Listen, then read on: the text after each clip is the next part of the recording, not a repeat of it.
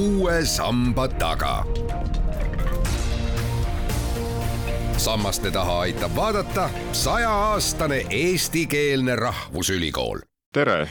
krokodill, sisalik, kärnkonnad, rästikumääre, siiliooka, suitsu, uriiniravi, need ja teised terminid ja sõnad äh, lähevad väga hästi kokku tänase saate põhiteemaga, milleks on apteegid ja eriti Raeapteegi kuussada ning professor Ain Raal on tulnud äh, kuue samba tagant äh, selleks ka mikrofoni ette, sellepärast et tema mitte üksnes ei räägi apteegist, ei õpeta seda ainet, vaid on pannud kokku ka raamatu, mis siis räägib ka meie vanimast apteegist. millise rohuga siis Raeapteek alustas? ma arvan, et ähm, kõik see parem rohi läbi aegade ikka on olnud tahtmine inimesi aidata. sellest hakkab kõik peale ja sealt edasi polegi enam väga vahet, et kas sul on seal sisalikud purgis või, või raudrohu ürt, et kui sul ikkagi oskusi ka on ja vastutustunnet, siis, siis saab inimestest abi. noh, nagu muidugi keskajal oli üks teine tegelane veel, kes peale rohu eh, oma panuse pidi sealt ülevalt poolt ikkagi andma kuid iseenesest näitab see ühiskonna arengut, kui apteek on juba tekkinud ja ta kogukonda ka aitab, sest sealt sai rohtu, sealt sai nõu, seal sai ka lihtsalt käia ja hingekosutust. jaa, peab ütlema, et, et Eesti on erakordne farmaatsiamaa just oma väga vanade apteekide poolest.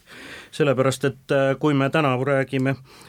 kuuesajast aastast äh, Tallinna Raeapteegi esmamainimisest, siis tegelikult ega palju maha ei jää siin Tartu vanim apteek.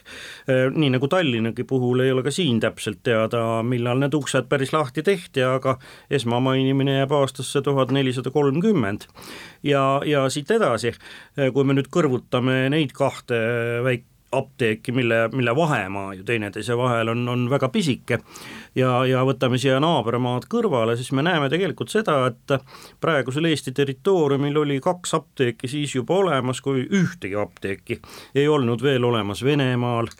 ei olnud Soomes, Rootsis, ei olnud Taanis, Norras, ei olnud ka Leedus, rääkimata mõnedest kaugematest maadest, no tõsi küll, Riias oli apteek olemas enne seda, kui meil, meil Tallinnas see Tallinna Raeapteek on tähelepanuväärne Euroopa mastaabis selle poolest, et on kogu selle aja töötanud ühes kohas just nimelt, mõnikord küll aetakse natukene asjad sassi ja väidetakse, et Raeapteek on Euroopa vanimaid, see päris nii siiski ei ole, sellepärast et teadaolevalt vanim apteek, noh nüüdisaegses tähenduses apteek, avati Naapolis juba tuhat ükssada nelikümmend ja sealt umbes nelikümmend aastat hiljem siis Pariisis esimene apteek ja ja, ja tuhat kakssada kakskümmend umbes siis Kölnis ja kui me siia võtame nüüd siis tuhat nelisada kakskümmend kaks juurde, siis, siis sellesse vahesse tegelikult mahtis, mahtus noh, üks vähemalt kümmekond apteeki. aga see, et ta on kogu aeg tegutsenud samas kohas, samades ruumides, see on absoluutselt erakordne.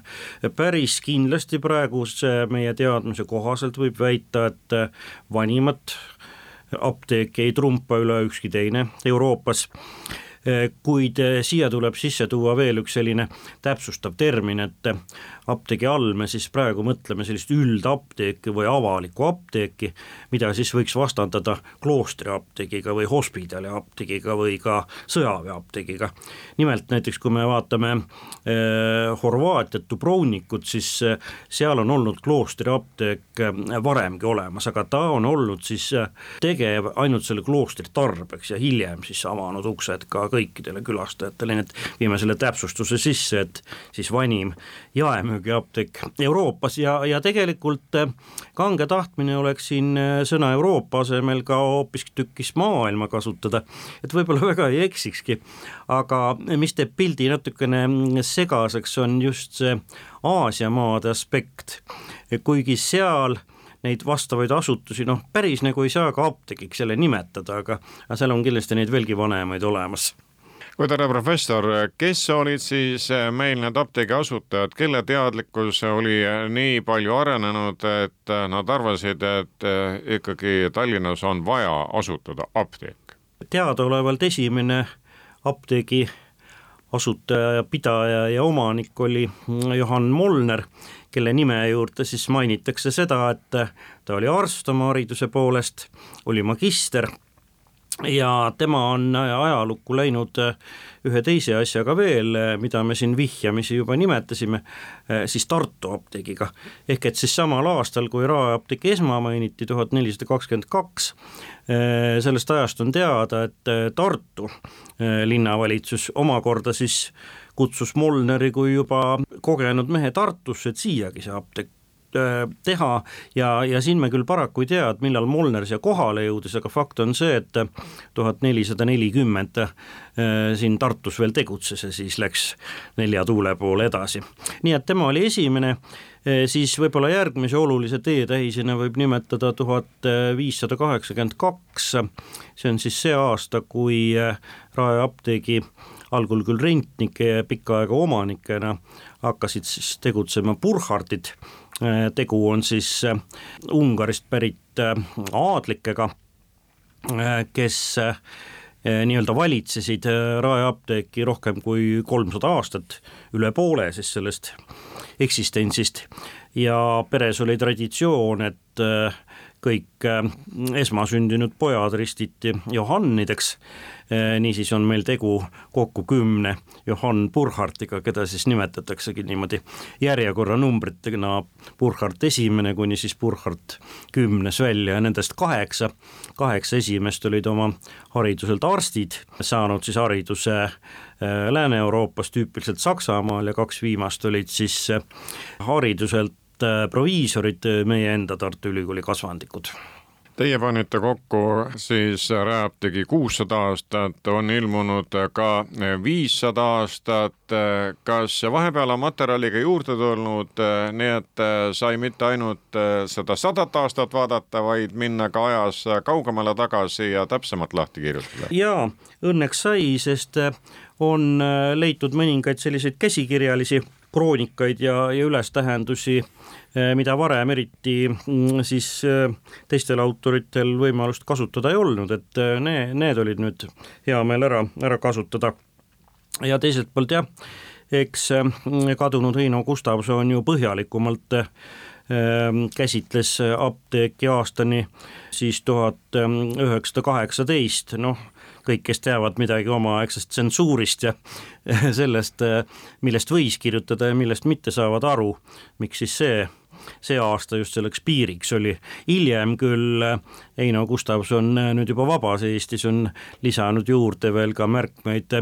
erinevate apteekide ajalugude kohta siis kuni neljakümnenda aastani ehk siis natsionaliseerimiseni, aga see, see, see hilisem ajajärk jah, tuli küll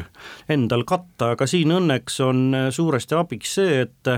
väga paljud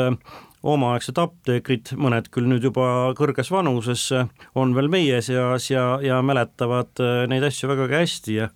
ja on aidanud sellele raamatule kaasa ka selliste elavate ajalooallikatena.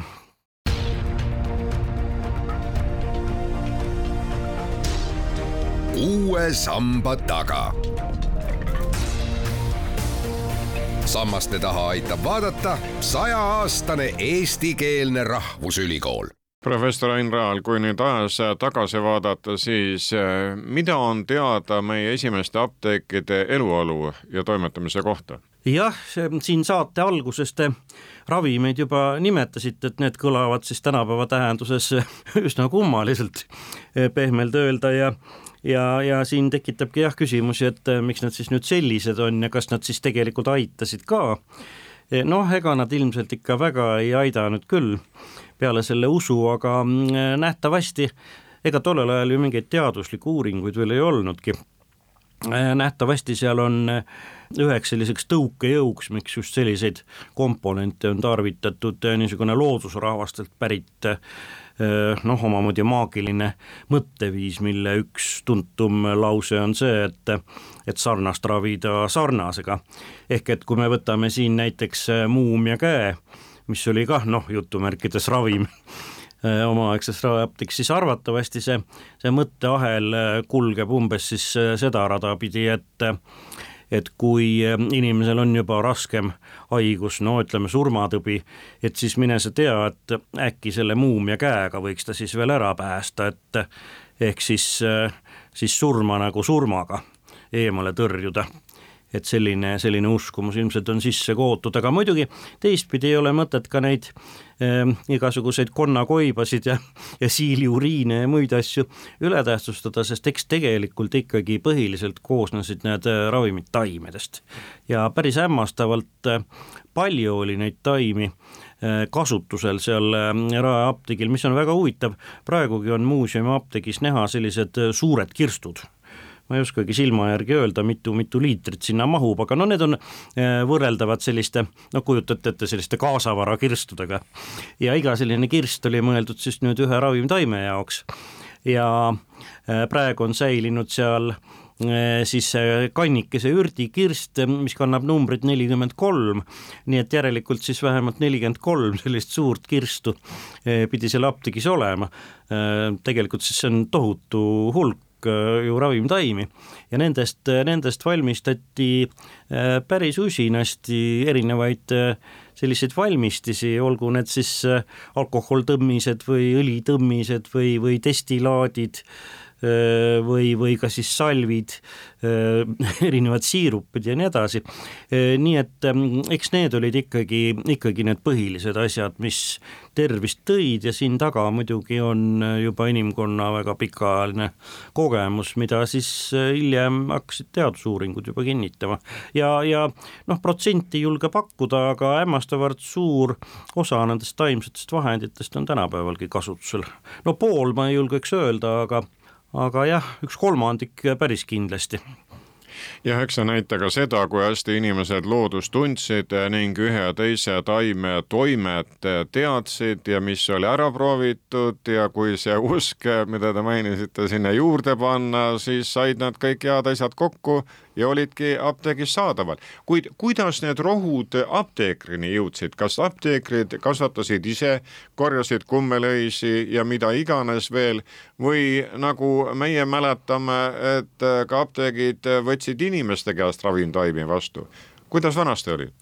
jaa, need, ähm, need allikad, mis äh, juba nimetatud said, need olid äh, tõepoolest kasutusel. Ka Rae apteegil näiteks endal oli oma apteegiaeg ja aed ja, ja nii mõnelgi muul on olnud, aga muidugi äh, sealt võib-olla see see hulk ja kogused ei ole väga suured olnud, mis tulid. Üks põhiline allikas olid ikkagi jah, need ravimtaime kogujad, kes siis maalt nii-öelda tulid Äh, apteeki siis varustasid ja samas oli ka niimoodi, et äh, apteegil oli nendega kaunis keerulised suhted, sest osad äh,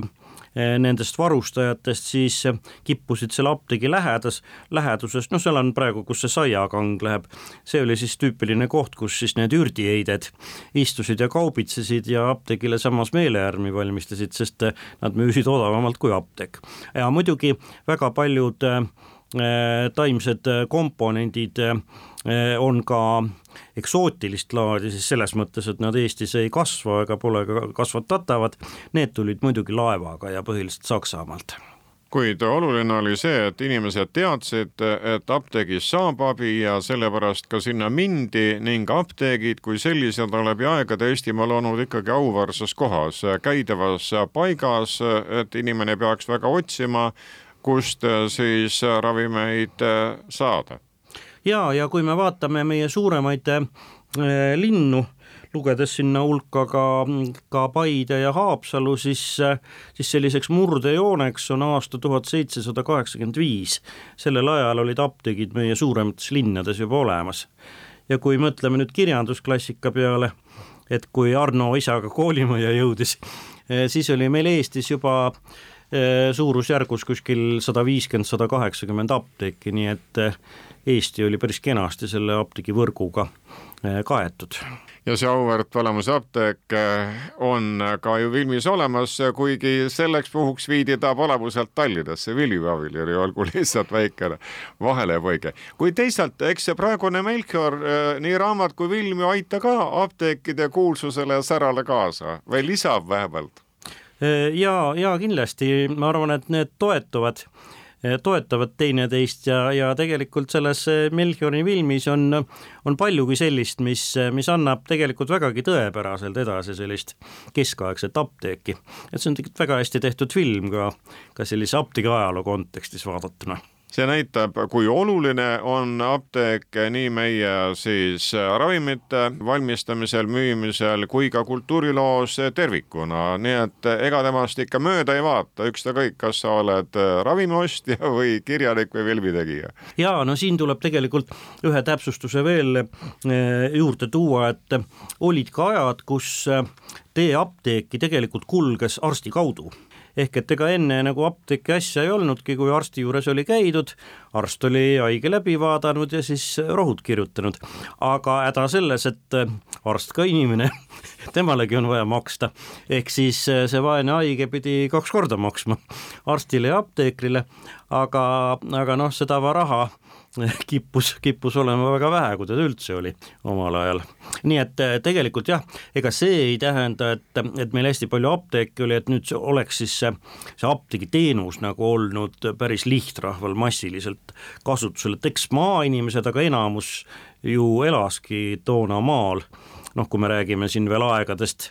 enne, enne kahekümnendat sajandit, eh, siis eks need jäid siis ikkagi nende esiemade tarkuste juurde ja, ja apteek oli rohkem sellise linnarahva ja jõukama asularahva pärusmaa. ehk, ehk üldse, kui arst ja apteeker olid nagu sellise nii-öelda ametliku või teadusliku meditsiini esindajad, siis nende poole pöörduti ikka viimases hädas, kui enam mitte midagi muud üle ei jäänud Teie kirjutasite nüüd raamatu Tallinna Raeapteegist. kui paljudel apteekidel Eestimaal on siis äh, panna riiulisse teie oma kõrvale oma apteegi ajalugu? ega sellist mahukamat äh, ajalugu ma küll ei tea, kuigi paljud, eriti just nende vanemate linnaapteekide ajalugu on võrdlemisi hästi uuritud ja nendest on kirjutatud äh, päris mahukaid artikleid küll, aga, aga raamatut sõna otseses mõttes jah küll kõrvale panna ei ole selleks, et meie apteegid saaksid edukalt töötada, inimesi aidata ja nõustada, on vaja ka õpetatud inimesi ning äh, teie ülikoolis ju neid õpetate, kohe läheb uus vastuvõtt käima, nii et need, kes tunnevad rohuteaduste vastu huvi, peaksid äh, Tartu tee üles leidma. just, tulge Tartu Ülikooli, tulge proviisoriks õppima. kui palju äh, tavaliselt aastas diplomini jõuab? aastad on väga erinevad on siin olnud äh, kakskümmend ja, ja peale ja, ja ka alla selle. nii et äh, see, see jah, sõltub, et ei ole, ei ole see õppimine kerge see tahab järjepidevust, tahab tööd, aga ega me ei saagi apteekriks ju igat ühte lubada, sest äh, ikkagi nii nagu arsti puhul jutt käib inimese tervisest kui arstid sageli lähevad tööle Põhjamaadesse, kuidas on lood apteekritega, kes Tartu Ülikoolist hariduse saavad? väga üksikud on läinud välismaale tööle, valdavalt on ikkagi jäädud kodumaale seega kokkuvõtvalt saame rõõmu tunda meie apteekidest, kuuesaja aastasest ajaloost, mis siis ka nüüd raamatusse jõudnud ja saame rõõmustada ka selle huvi üle, mis siis valitseb õpetatava eriala vastu. jaa nii võib öelda küll, aga ootame, ootame õppima veelgi rohkem noori inimesi ja tegelikult vastuvõtutingimused on tänavuga natukene muutunud, et rohkem pannakse rõhku ka just keemia ja füüsikaalastele teadmistele. et see on tegelikult see baas, millele ka, ka farmaatsiateadmine tugineb. aitäh, professor Ain Raal, küsija oli Madis Ligi